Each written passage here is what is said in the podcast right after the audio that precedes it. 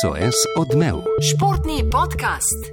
Pozdravljeni in dobrodošli v 16. epizodi podcasta SOS odmev, v kateri številk delamo besede. Moje ime je Slavko Jarič, z mano pa je kot vedno sogostitelj Toni Gruden. Dobro jutro, dober dan ali pa dobro večer, kadarkoli pač poslušate. Pa vsekakor pa poln pričakovanja, Toni, če se spomniš, ko smo delali novoletno oddajo, smo gledali v letu 2019. Dobro se spomnim, da si tako izpostavil tvoj vrhunec leta, kar izstrelil si Džiro in zaradi, seveda zaradi Primoža Rogliča. Si še vedno uh, tako napet, poln pričakovanj? Mislim, da zdaj to raste vse posod. Uh, mislim, da se zdaj večina strinja z menoj, da je to športni vrhunec slovenskega športnega zornega kota. Malo zaradi odsotnosti drugih res, res velikih prvenstv, po drugi strani pa je v zraku nekaj rožnatega. Sam sem za jutranje ogrevanje šel na en post, državni spust, tri stopinje tudi kolesarske priprave v Istri. Sem pripravljen na Giro de Rogla. Še vedno tvoj življenjski cilj, da boš nekoč prišel na plešastega velikana? Bom, bom, magar peš. To, to sem že prišel. No. je seveda zato, ker imamo tudi dva izjemna poznavalca kolesarstva iz TV Slovenije, z nami sta Tomaš Kovšca in David Črmel. Lepo pozdravljena v tej krogli mizi. Tudi vaju grabi tale pozitivna napetost? Ja, seveda, iz dneva v dan bolj. Uh, uvod je bil dober, ne? prejšnji teden dirka po Romandiji, zdaj pa vsi čakamo na Džiro.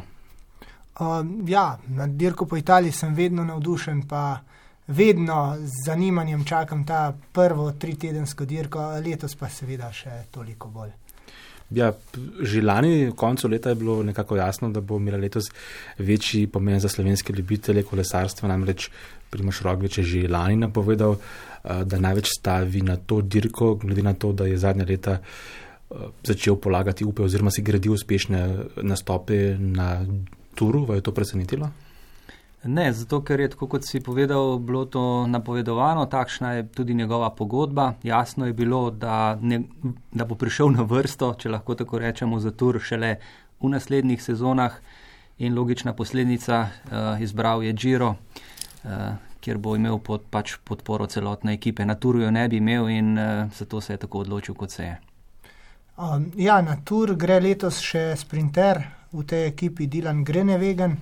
Um, tako da v bistvu on pobere vsaj še dva, tri pomočnike, uh, seveda potem ne ostane dovolj um, ostalih kolesarjev za gorske etape. Tako da je jasno, Krajzvej gre na tur spet in uh, boljše, kot pa da sta tam dva kapetana, pa nimata nekih pomočnikov, boljše, da se je Primoš uh, odločil za ta Giro, ki uh, vsekakor. Eh, po konkurenci bo zelo hud, ne glede na to, da vedno govorimo samo o turu. 3x3 bi lahko pisali štart sezone Primoža Rogliča, da bi vse tri dirke, na katerih je spoh nastopil. Vse več etapne, eno tedenske, no, zadnje bile, pet etapne. Vse šteje za najvišji UCI-jev svetovno serijo, spravi Emirati, od Tirenskega do Jadranskega morja in zdaj še obranil rumeno majico po Romandiji vključno z moštvenim kilometrom, pet etapnih zmag in tri skupne, več zmag v sezoni, ima le Žuljan, uh, ali Filip jih ima devet, ali je sto odstotni skupiček pred začetkom džira breme ali prednost. Težko vprašanje, ampak mislim, da se vsaj roglic s tem ne obremenjuje, ampak najbrž dela kljukce. Uh, to sem opravil, to sem opravil, ne, gremo naprej. Uh, izjemno osredotočen kolesar, uh, ki si zastavlja etapne cilje, morda zato tudi rad nastopa na etapnih dirkah in jih uresničuje. Enostavno ne pozna, ne pozna druge poti, očitno.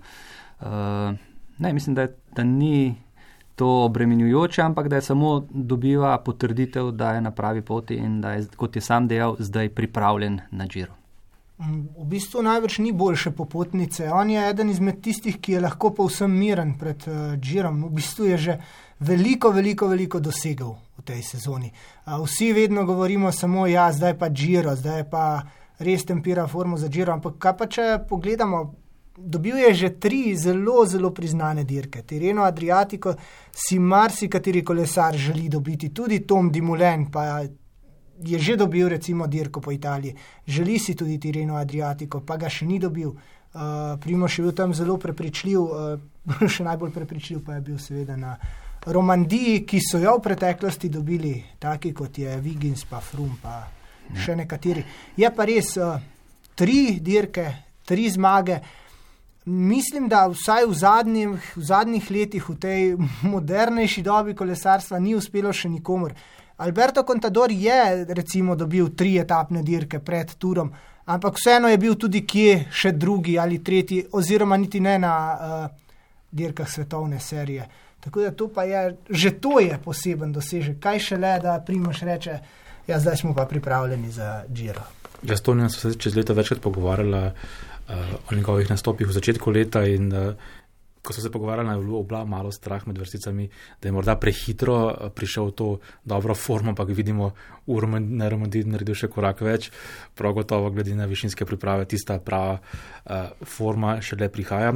Morda um, še skok na začetek sezone, uh, ko je dobil dirko po Arabskih Emiratih, tam je bil tudi recimo moštveni kronometer.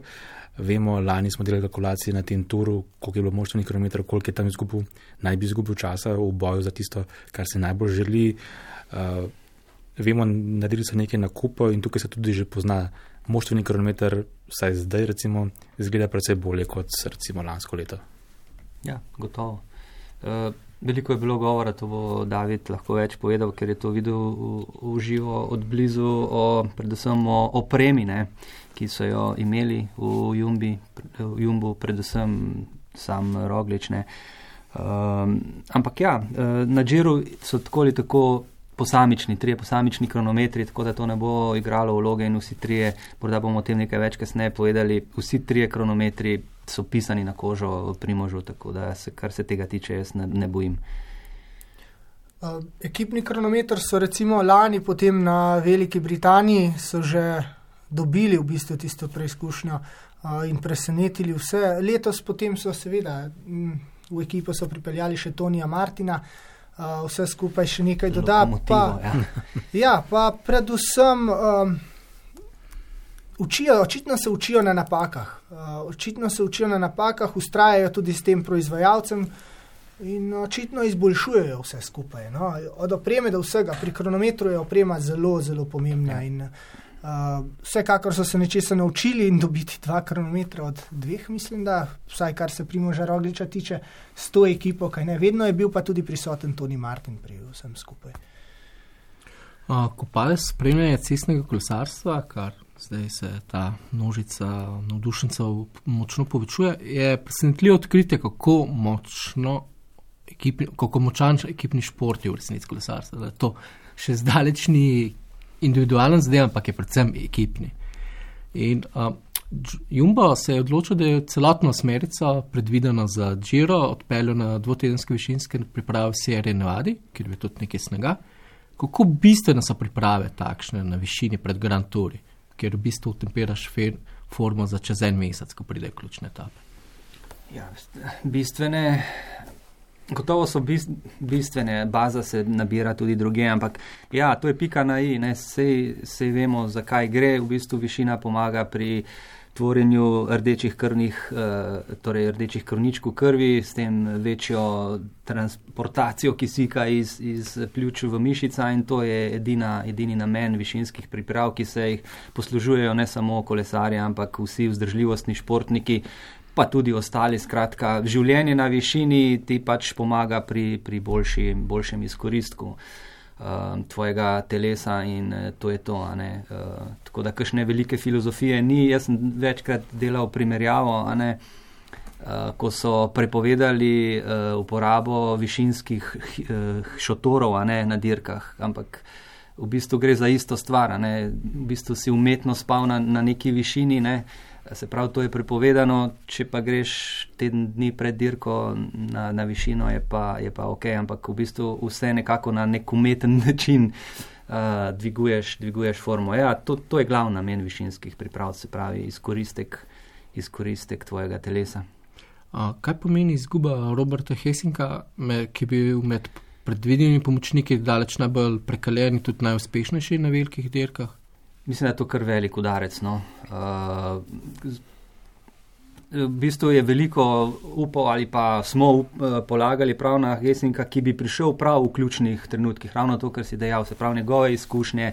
Uh, vemo, da je lahko ob Rogliču zelo dolgo, a ne se pravi, da ob uh, njegovi poškodbi se zdaj zdi, da bo v zaključkih ostajal bolj ali manj sam, ne, ne bo imel nekega uh, pomočnika, na katerega bi se lahko v vsakem trenutku naslonil. Tako da se mi zdi, da je to velik udarec, ampak kot je Primo že veliko krat dokazal, tudi lani na, na Turu, ne na zadnje, se znajde tudi sam.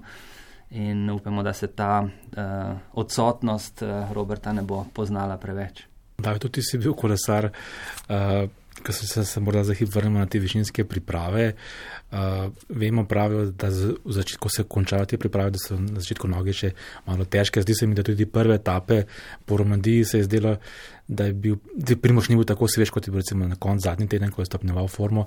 Ali lahko z tega pričakujemo, da potem tista najboljša forma, ki jo recimo lahko letos prikaže, šele prihaja prav za Giro? Um, te višinske priprave so zanimive. Vsake, recimo na vsako telo delujejo drugače. Eh, ko smo mi, se pravi, pred 15 leti in več, trenirali smo vedno trenirali na, na višini, se pravi, spali na višini in potem tudi trenirali tam. Um, mislim, da je bilo pri uh, Primožu in pri teh kolesarjih, ki zdaj trenirajo, bolj ali manj poskušajo čim dlje časa živeti na višini, trenirajo pa na, uh, pač v dolini, ker lahko boljše treninge izvajajo.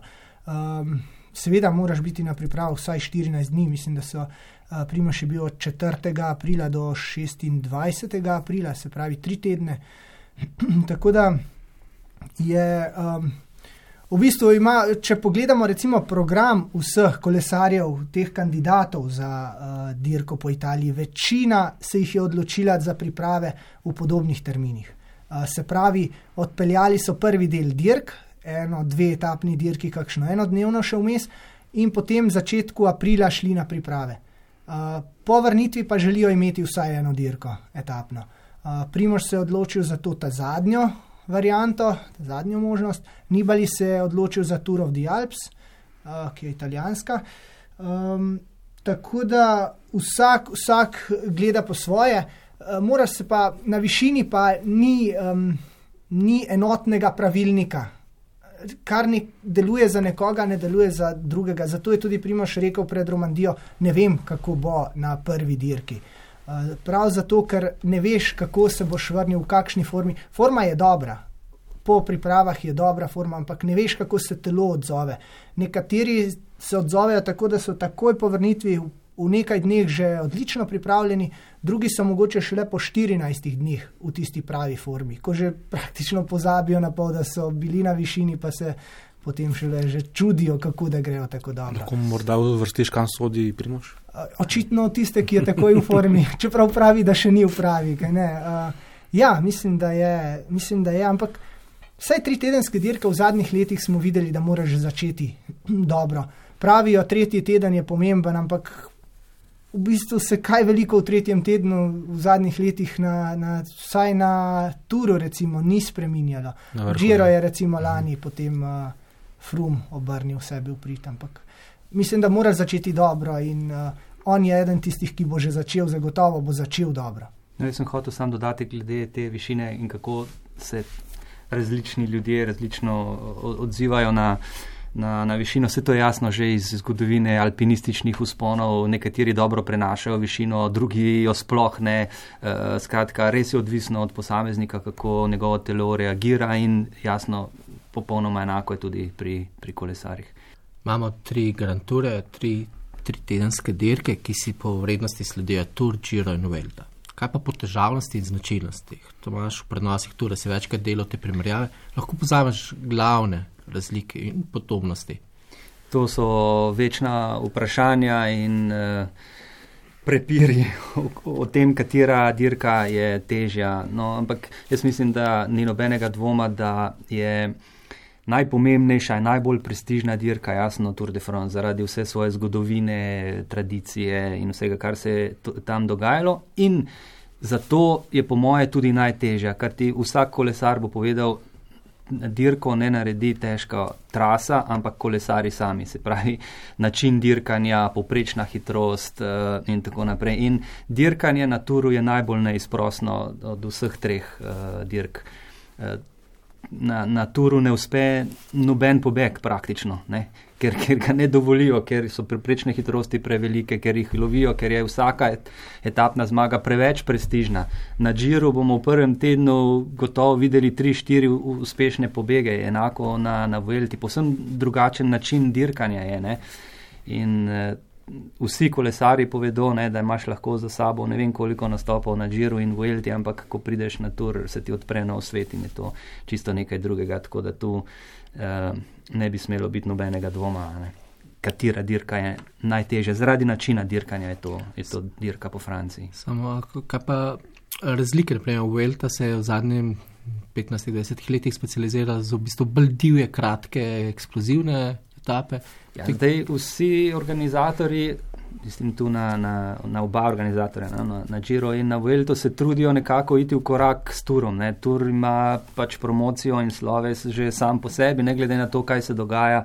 Ali se dogajajo afere ali karkoli, vedno znova je, je tur zasenčil vse. In uh, pač v Španiji poskušajo z atraktivnostjo dirke pač privabiti pozornost medijev in tako naprej. Gotovo je zelo, zelo atraktivna z temi zaključnimi vzponi, eh, kratkimi etapami, veliko več akcije recimo se, se dogaja tam. Eh, tako da je to pač pristop bolj ne, medijsko usmerjen oziroma skušajo s tem napraviti atraktivno dirko in to jim tudi uspeva, gotovo. Ja, mislim, da. Um... Tur je največ. Tur tudi vidiš po številu gledalcev, oziroma po, lahko rečem, po tipu gledalcev. Tam pridejo vsi zato, ker si želijo biti del tega dogodka. Pa Niti ne kolesarske dirke. Pa tudi kolesari, ne konkurenca najbolj pisana na turu. Ne. Na, ja. na Džiru prevladujejo Italijani, na Vuelti Španci, na Turu je pa cel svet. Um, pri, če se ustavim pri gledalcih, kaj ne tam vidiš vse, tudi najbrž je veliko, veliko je takih, ki v bistvu jih kolesarstvo niti ne zanima. Prišli so na velik dogodek. Samo to. Tour de France velja za velik dogodek in zato moraš biti tam. Um, na Džiru je drugače, na Džiru so tisti pravi navijači, zato je morda tudi manj nekih uh, neumnosti med samimi etapami, če lahko tako rečem. Pa ni, pa ni recimo te najtežje etape, kot je Zonkolan, privabijo ravno tako ogromno ljudi, ampak so precej bolj disciplinirani. Uh, upam, da se letos kaj takega ne bo primerjalo, ampak ja, precej, precej bolj uh, navijaške kulture, tiste prave kolesarske, uh, je na Džiru ali pa na Vuelti, ne na zadnje. Vuelta je pač izkoristila termin, se pravi pred svetovnim prvenstvom, uh, nekako poskuša vedno privabiti tudi uh, kolesarje z Tura, oziroma veliko jih tempira Džiro, Vuelta, um, formo, ne, da preskočijo tur, to se še da. Uh, potem, ampak, kar se zanimivosti dirkanja tiče, pa mislim, da sta Džiro, predvsem Džiro, pa Vuelta, precej bolj zanimiva z tega ja. vidika, kaj ne, vedno je bolj napeto in verjamem, da bo tudi letos. Uh, Ker to niti si me vprašal, ne, katera je težja, ne, ne, katera je bolj atraktivna. Ne, ne, atrak, atraktivna je, atraktivni tako za gledalce sta gotovo bolj dirki Giro in Vuelta, ne, kot sem iz razlogov, ki sem jih ja. povedal. Staviti, ki smo menili gledalce, da se spomnim, morda ima tudi uh, tur to prednost, recimo v, pri gledalcih, vendar se dogaja poleti. Ne, tam pride tudi več turistov, vsega. Zdaj spomnim se, mislim, da je bil nekoč gorski kilometr na Abdu, tiste res kratka etapica, pa mislim, da je bilo okrog pol milijona gledalcev. Ne, ne, to si kar premalo rekel. Je bilo še no, več, no, skratka. Je bilo čez milijon, ker no. smo potem šli računati, celo, da, da je bilo vse čas na obeh straneh, ja. če si razporedil gledalce, ne, uh, mislim, da sta prišla celo dva ali tri na, na, na posamezen meter na obeh straneh. Ja. Se pravi, špalir gledalcev vse čas. Tisti je bil rekord, ja, več kot milijonih je bilo na eni, na tako kratkem. Res kratka. Ja. No, ko sem pri kilometru, če se vrnemo na, na naš Giro, s, na, s kratkim kilometrom se začne tudi v soboto v Bologni, ta bo res kratek 8 km. Eh, skupaj so tri dirke na čas, oziroma tri etape na čas, skupna dolžina je 58 km. Uh, kaj to pomeni? Malo, veliko. Uh, in iz luči, iz luči perspektive Primoža Rogliča je to za nas koristno ali ne?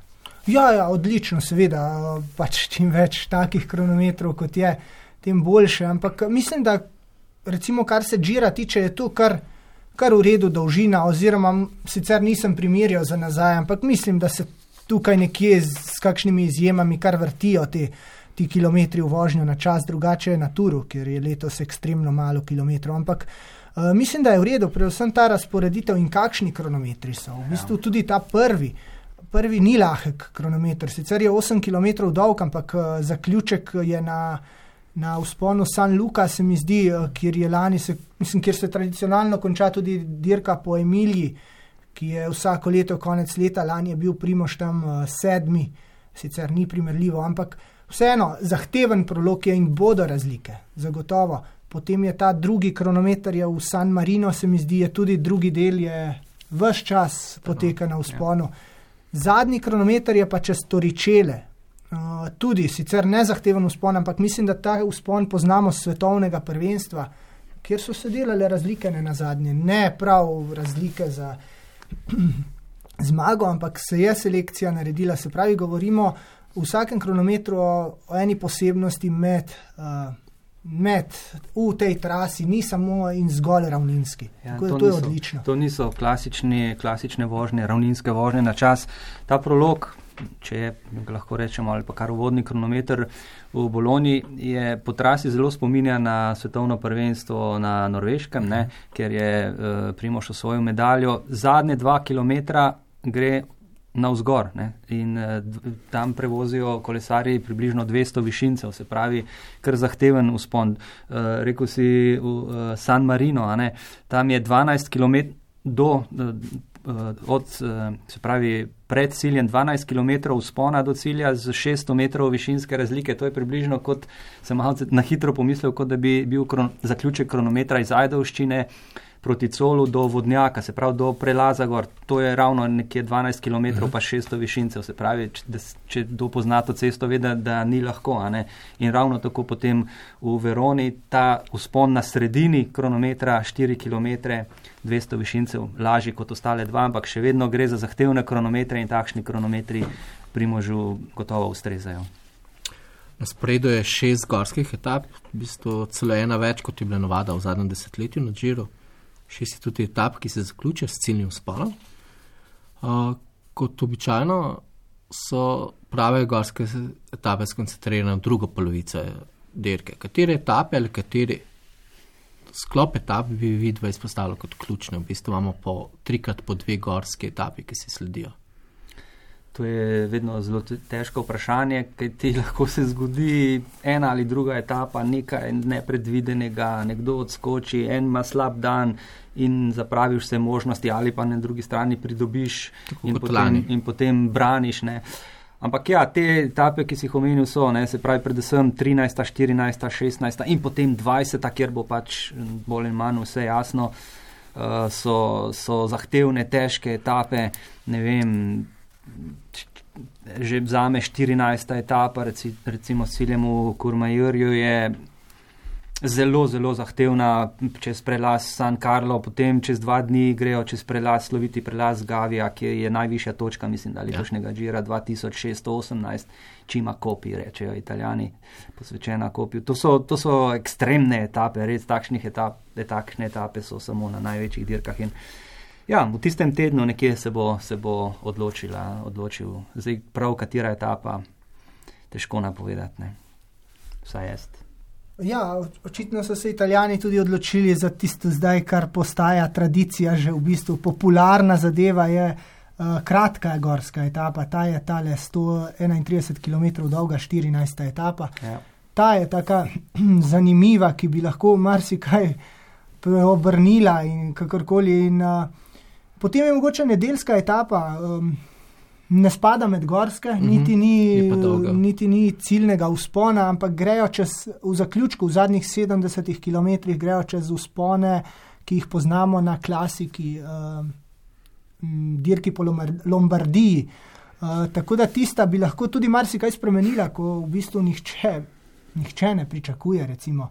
Uh, in seveda, takoj po prostem dnevu, ki ga vedno vsi izpostavljajo, prvi prost dan bo zelo v redu in potem dve ravninski etapi, drugi prost dan je pa počitek, aktiven počitek, kakorkoli že, in naslednji dan kraljevska etapa čez uh, kot je Tomaš, kot si že omenil, čez Gavijo in Mortirolo. čez tisti Mortirolo, ne, ki je pač vedno nekaj posebnega. Trenutno je še zasnežen, pa je. Tako da etap, ja, etap uh, takih zanimivih uh, je ogromno. Ja. Tudi v prvem tednu mislim, da je kar nekaj takih, lahko rečemo, pasti. Uh, Ja, tudi po- te italijanske ceste, po oske po, ja, po vaseh in uh, oske ceste. Uh, tako da težko, težko predvideš uh, karkoli. Zagotovo bo kakšen izmed favoritov izgubil stik uh, oziroma večje možnosti za rožnato majico že do teh etap, ki smo jih Ja, omenjali. v Brucih na Giovanni San Rotondo, pa L'Aquila, v bistvu Ja. dve so. so No, ta, ta klanec zelo dobro poznam uh, in je tudi zelo zahteven. Ja. Tako da tam, tam je, se vedno dogajajo zadeve. Smo v bistvu do San Marina se ne sme izgubljati. Tako. Ja, Potem nekaj takega. Ja. Ja. Ne boš do San Marina, seveda se dirke ne da dobiti, lahko pa že Izgubiš, ampak se to je, to je vedno na teh tritedenskih dirkah. Lanskega zmagovalca Krisa Fruma ni, ravno on je v zvezi s silovitim napadom Finestre lansko leto obrnil dirko, na kateri je dominiral Simo- Simon Yates. Za Grand Tour specializirano moštvo z Skaja, zdaj se je ravno kar preimenovalo v Ineos, je pa ostalo brez svojega kapetana in v bistvu kar močnega favorita Egana Bernala, ki se je zlomil ključenca na domačem treningu v domovini v Kolumbiji. Kaj to spremeni? Frum je zavrnil možnost, da bi branil rožnato, Tomas ustraja, da bo branil svojo rumeno na turu. Kaj to spremeni v dinamiki, ker na teh velikih turih se je zdaj zmeraj gledalo na skaj njihov vlak. Ja, kar naenkrat je Primoš Roglič še večji favorit postal. Kajti, če pogledamo potem, ne, kdo ostane, Simon Yates, zelo nepredvidljiv kolesar, oziroma se mi zdi, da ne bi mogel zdržati tri tedenske dirke čisto do konca.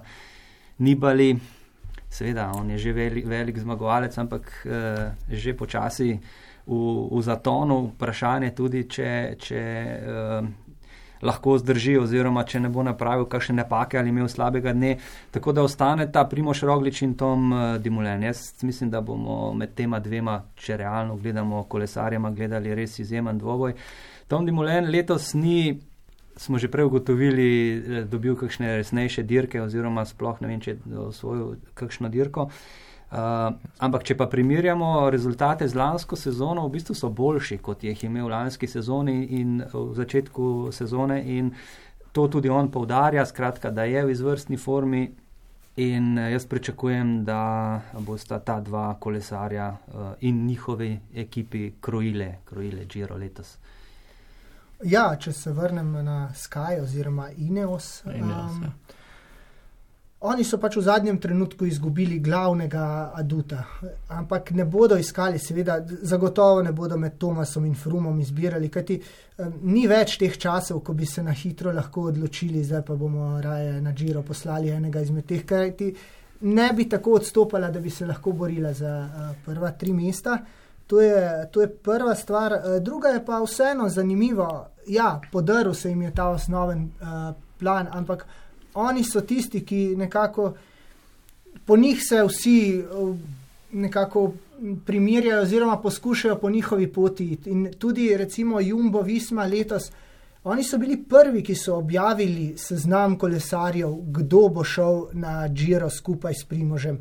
Oni so bili, recimo, tisti, ki so celotno ekipo poslali na višinske priprave.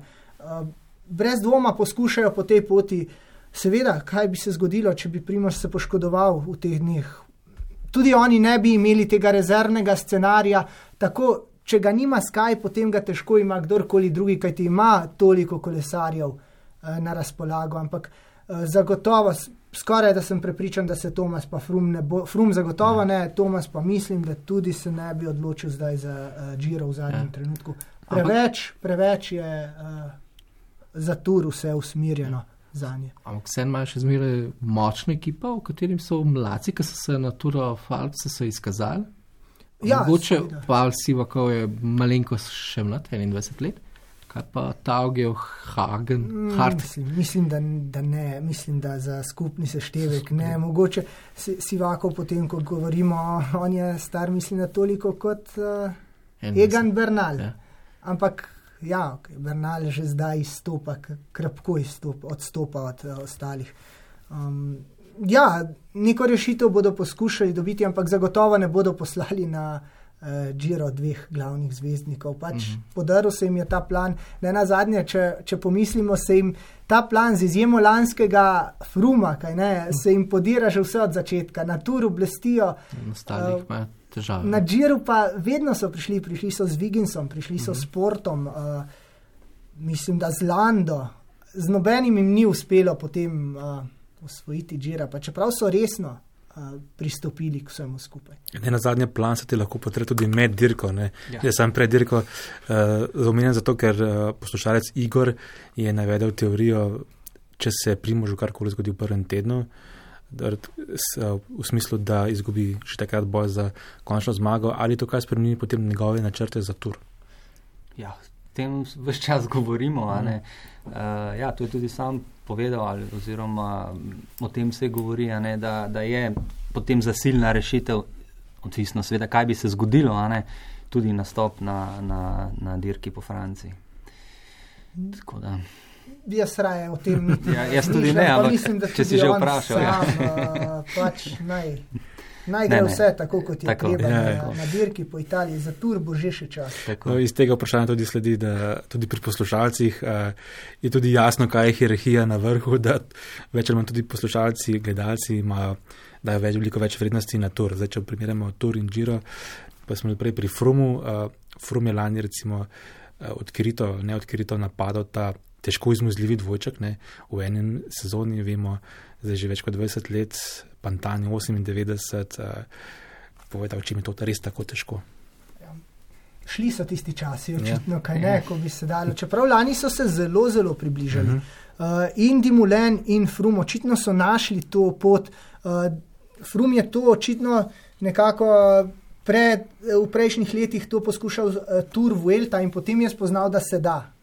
Ampak uh, lani so to hoteli izkoristiti zato, ker je bil dodaten teden časa za priprave, za počitek, kakorkoli to vzameš. Kajti uh, so, bilo je svetovno prvenstvo v nogometu uh mhm. -huh. in seveda so se temu terminu prilagodili ja, in to so želeli izkoristiti. Letos je, mislim, da drugače, je manj časa za počitek in je zato manj možnosti. Dimulen, zanimivo je lani po turu rekel, to se ne da.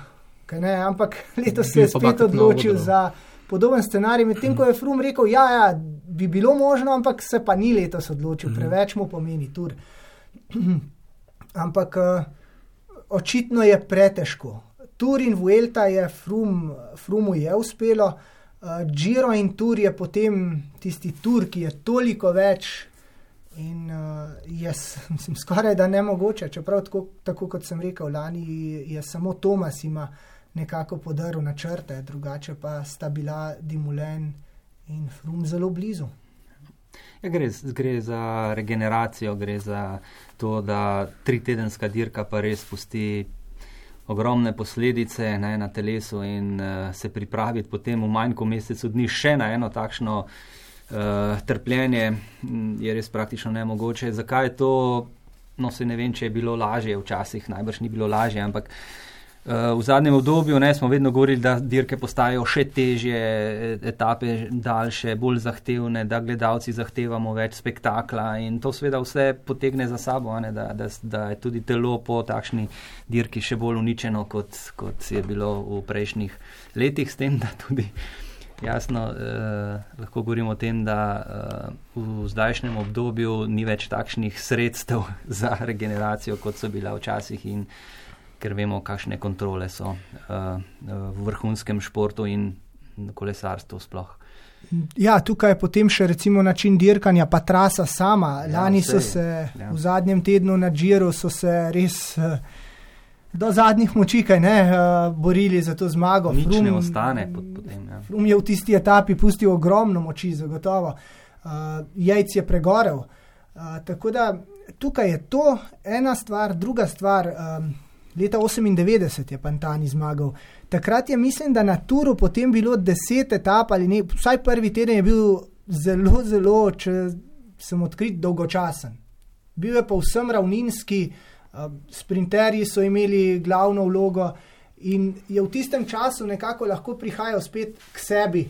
Um, to je bil ta ekstra teden, ne, recimo. Uh, ja, v bistvu Na nek je način, ekstra ja. teden bil na samem turu. Uh, ni bilo tistega, tistega, zdaj pa iščejo že tisti to dramo, tisti spektakel iščejo že v prvem tednu. In uh, že zato, ne, moraš biti v formi že takoj.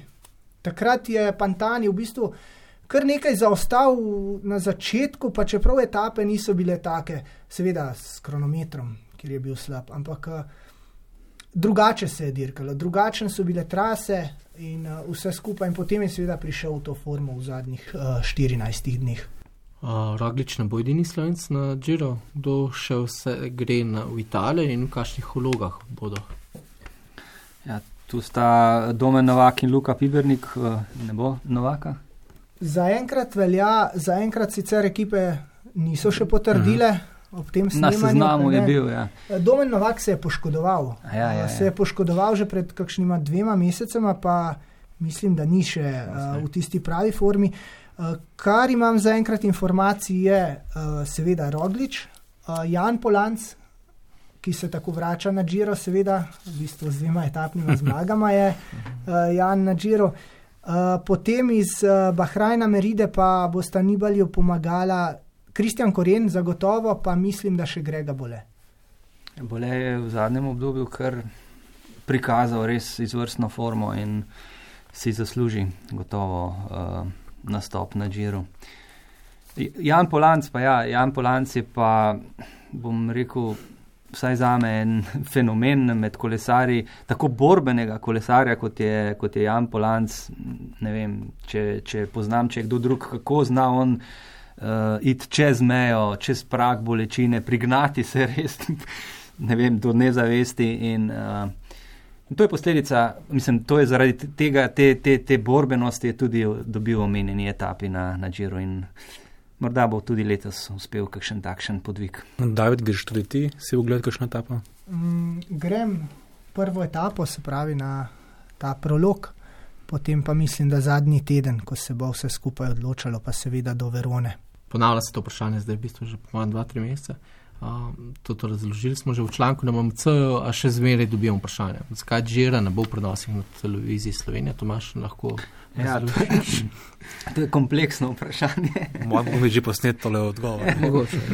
Ne, ampak uh, vsi vemo, uh, da so razmere na trgu uh, pravic, torej televizijskih pravic v zadnjih pač desetih letih posem ali pa še več čisto drugačne, kot so bile nekoč.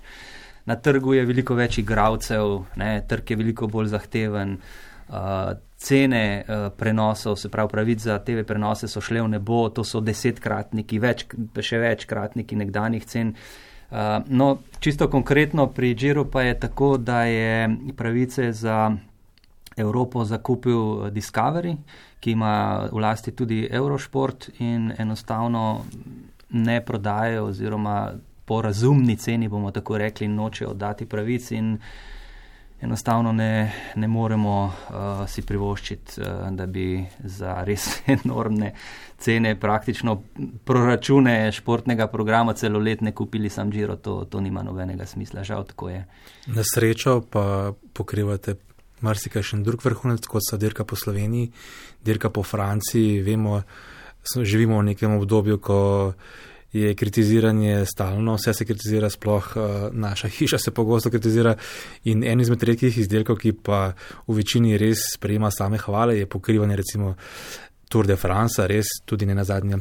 Pred nekaj meseci ste prijeli nagrado RTV Slovenija za odlično uh, delo. To je najbrž je neka nagrada, da javnost tako lepo sprejema vaše delo. To je potrditev, da, da, da smo na pravi poti oziroma da, ja, da so gledalci projekt, ki se razvija, ki je bil tudi načrtovan res v podrobnosti, uh, da je sprejet med, med gledalci. Kajti načrtno smo vsako leto dodajali stvari, približevali prenose gledalcem, gradili v bistvu publiko, ki je zdaj postala zvesta uh, in uh, to nas seveda veseli. Začeli smo z posameznimi prenosi tura, posameznih etap, potem pa vsako leto dodajali in kot rečeno načrtno dodajali tako za tiste, ki uh, kolesarstvo spremljajo resno in so pravi poznavalci, kot za tiste, ki se morda s kolesarstvom spre, eh, pač srečajo prvič. In pa ne na zadnje tudi za tiste, ki si želijo samo razglednic eh, Francije, tudi za te, skratka, mislim, da so prenosi zdaj eh, postali ja, dobri. Ne morem drugače. Jaz sem iz glave zdaj rekel na okroglo, pa videl, verjetno, verjetno na tačno številko, med 50 in 60 ur, recimo, uh, dirk po Franciji, to pomeni, da moraš tudi imeti veliko pripravljenega gradiva, malo za šalo, malo za res tudi video potrebujete, malo večinskih priprav, da pridete na tak projekt. Uh, ja, več kot 60 ja, ur kot 60, uh, ja. pride vsega programa, kar je res veliko. Uh, kolesarstvo je, je nasploh, če se dotaknemo dela reporterja, zelo, zelo specifično. Povsem drugačne priprave zahteva kot recimo prenos neke rokometne tekme ali ekipnega športa, ker je pač ekipni šport veliko bolj dinamičen, vse čas se, recimo, če govorimo o rokometu, ki ga tudi komentiram, vse čas se nekaj dogaja, vse čas spadajo goli in tako naprej in ne potrebuješ toliko dodatnih informacij oziroma pripravljenih informacij za vsak primer. Medtem ko v kolesarstvu nikoli ne veš, mogoče prenašaš etapo, v kateri se dve uri praktično ne zgodi nič, ne? ampak je, so razmire na, na cesti eh, vse čas enake in takrat seveda moraš čas zapolniti z nekimi dodatnimi informacijami in Zato so zelo, zelo pomembne uh, priprave na, na, tak, na take prenose in projekt, po drugi strani pa kolesarstvo omogoča ravno to, kar drugi prenosi, ne zanimivosti, razglednice, pogovore v živo, prispevke, ne, kar drugi prenosi zaradi svoje dinamike ne bi dopuščali. Ne. Ja, ta le dodatna vsebina je meni všeč. Predvsem pa smo, mislim, da smo se res ujeli kot ekipa. Ja. Um, nihče ne želi dela od nekoga drugega, kaj ne, Tomaš Kovšca si želi komentirati, uh, jaz si tega ne želim.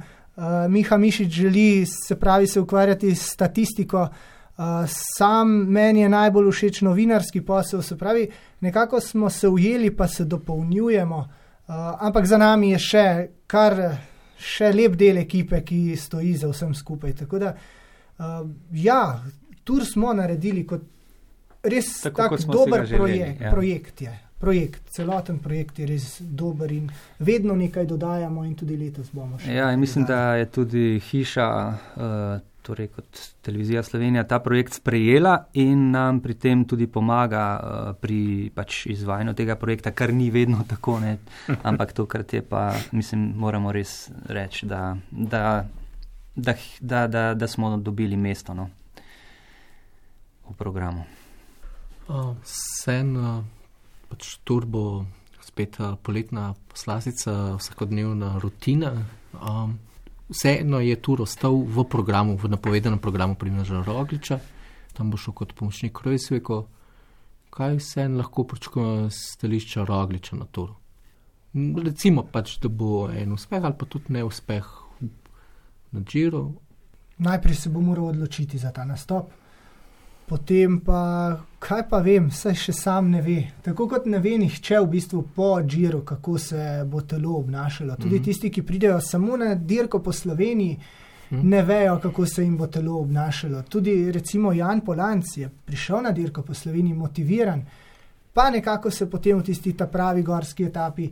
Ni vse išlo, recimo, mm. iz dneva v dan, ne veš, kako bo uh, telo reagiralo. Tako da tudi sam ne, ampak najbrž se bo odločil potem za kakšno, tako kot je prvo leto na Kralju, ko je nastopil, se pravi, da se bo sredotočil na kakšno izmed etap in tam poskušal nekaj narediti.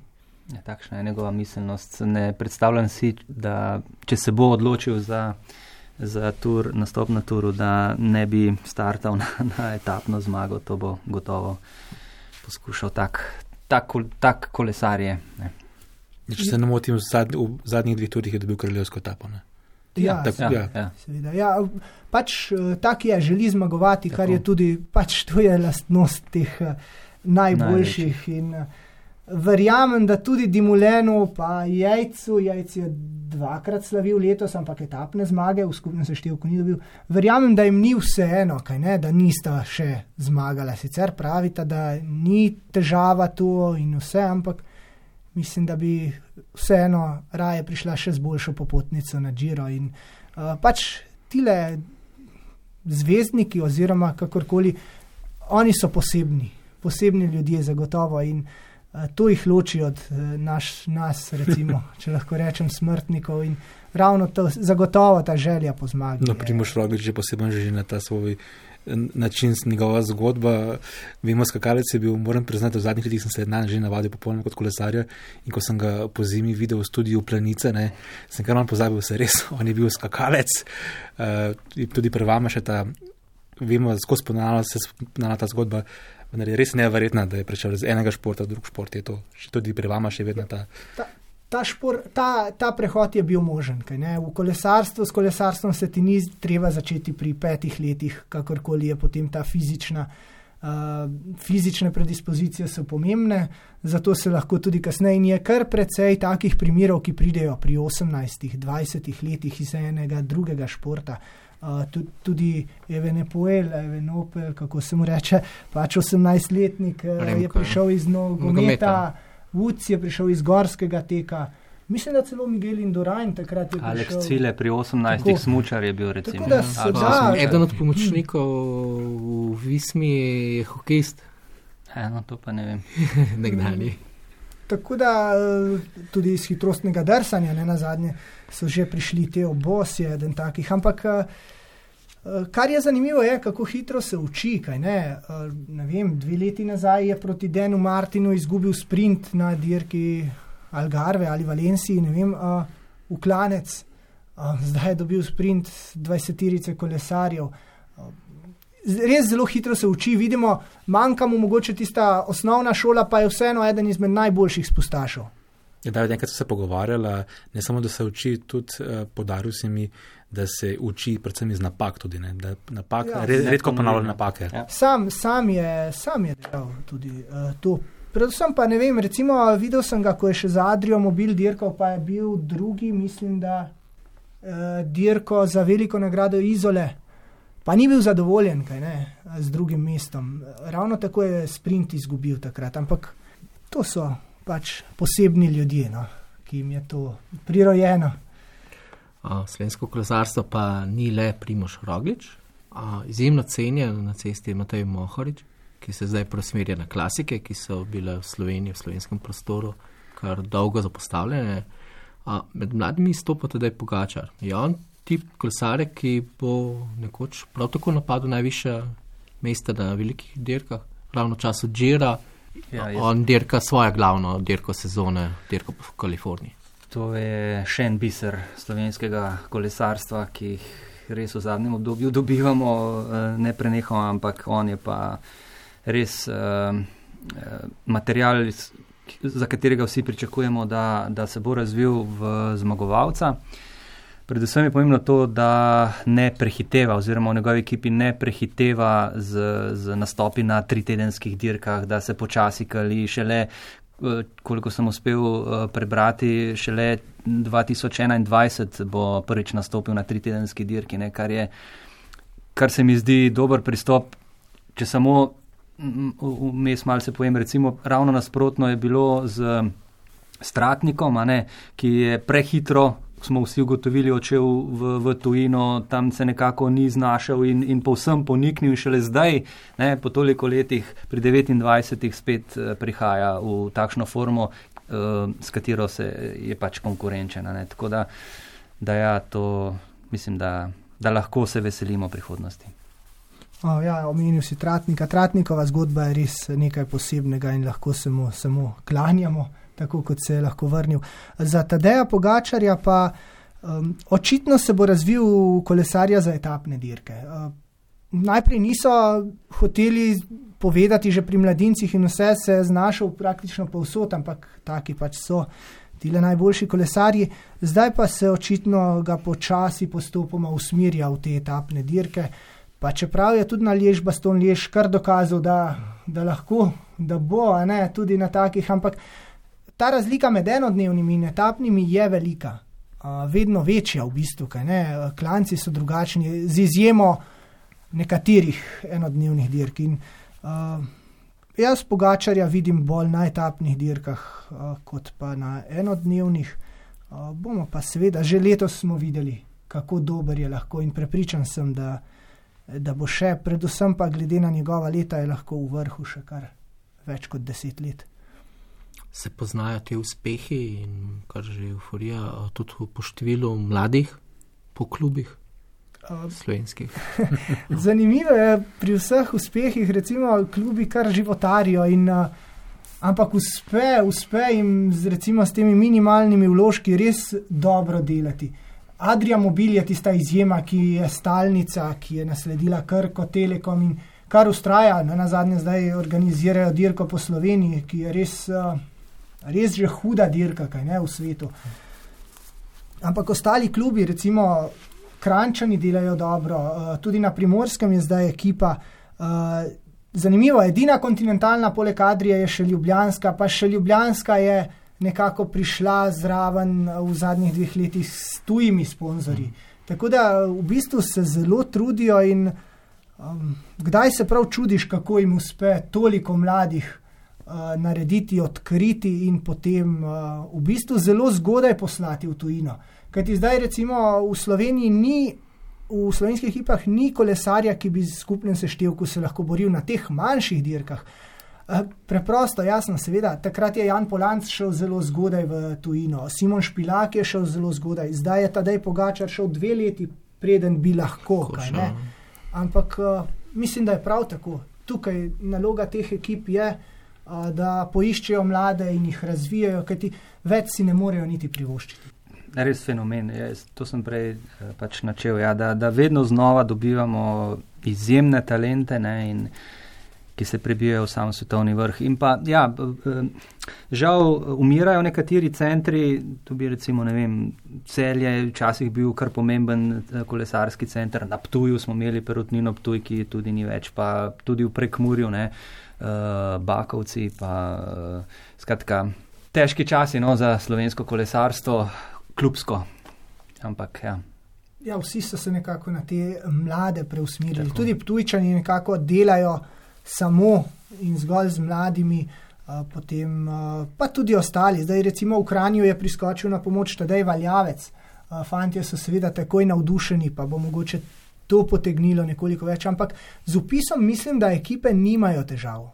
Tudi Adria Mobil in. Uh, Ljubljana, Gusto, Santik, pa Kran nimajo težav z upisom. Tako da mladih je dovolj v bistvu. Ampak je pa drugače, seveda, veliko več opreme gre, večji je strošek za vsakega kolesarja. Ni recimo kot rekel, pri nogometu, ko pač kupiš kopačke, pa greš na igrišče, ne plačaš članarino. Pa je tukaj je precej večji strošek tudi za klube in za starše, očitno spet. Ja, kaj to pomeni, to je fotofiniš, hvala vam za veliko zanimivo povedanega. Ja. Eh, če ste slučajno kdaj poslušali epizode, na koncu povemo neko zanimivost, eh, ki je povezana s številko oddaje, to, kar je 16. oddaja, to nisi gotovo kaj pripravil. Ja, moja zanimivost je to, da je Roglič dirko po Sloveniji 2015 začel 16. mestom na uvodnem 8,8 km/km, na koncu pa je prvič zmagal, največja domača slovenska dirka. Lepa. Uh, moja je kar obrnjena v prihodnost. 16 številka je številka 16. etape, kraljevske etape na letošnji dirki po Italiji, ki bo kolesarje popeljala čez, kot smo že rekli, Gavijo in potem čez tisti Mortirolo, ki mi je sploh posebej všeč. Oba sem imel čast prevoziti, ogledati si in res sta nekaj posebnega. Tako da to je za me številka 16 v tem obdobju. Tomaš, se začne ti kaj pripravil? Jaz bom pa daleč v zgodovino segel, uh, svojo zgodovino, uh, uh, rokometno zgodovino. Uh, rokometni vratari nosijo številko 16, uh, običajno. Uh, in ne vem iz kakšnega razloga, ampak vedno sem imel uh, težave ravno s številkami 16 in tudi ena od uh, odločilnih uh, tekem, na kateri sem, mislim, da zapravil priložnost za takrat podaljške v celo drugo, drugi jug, jugo ligi proti Partizanu iz Belovarja je bila takšna, da mi je strel obranil vratar številka 16. Hvala za čudovito zanimivost. Jaz čisto za konec skočim k Primožu Rogliču. Na Romandiji je števi, števec svojih zmag v profesionalni karieri povišal na 29, če se pa vrnemo samo na te na najvišji ravni World Toura. 16. in 17. hkrati zadnji dan, torej dobil je etapo in dobil je celotno dirko. Skratka, hvala vam za te čudovite misli. Uh, želim vam nam vsem prijetno spremljanje, ne le džira, temveč preostanka kolesarske sezone. Hvala vam. SOS odmev. Športni podcast.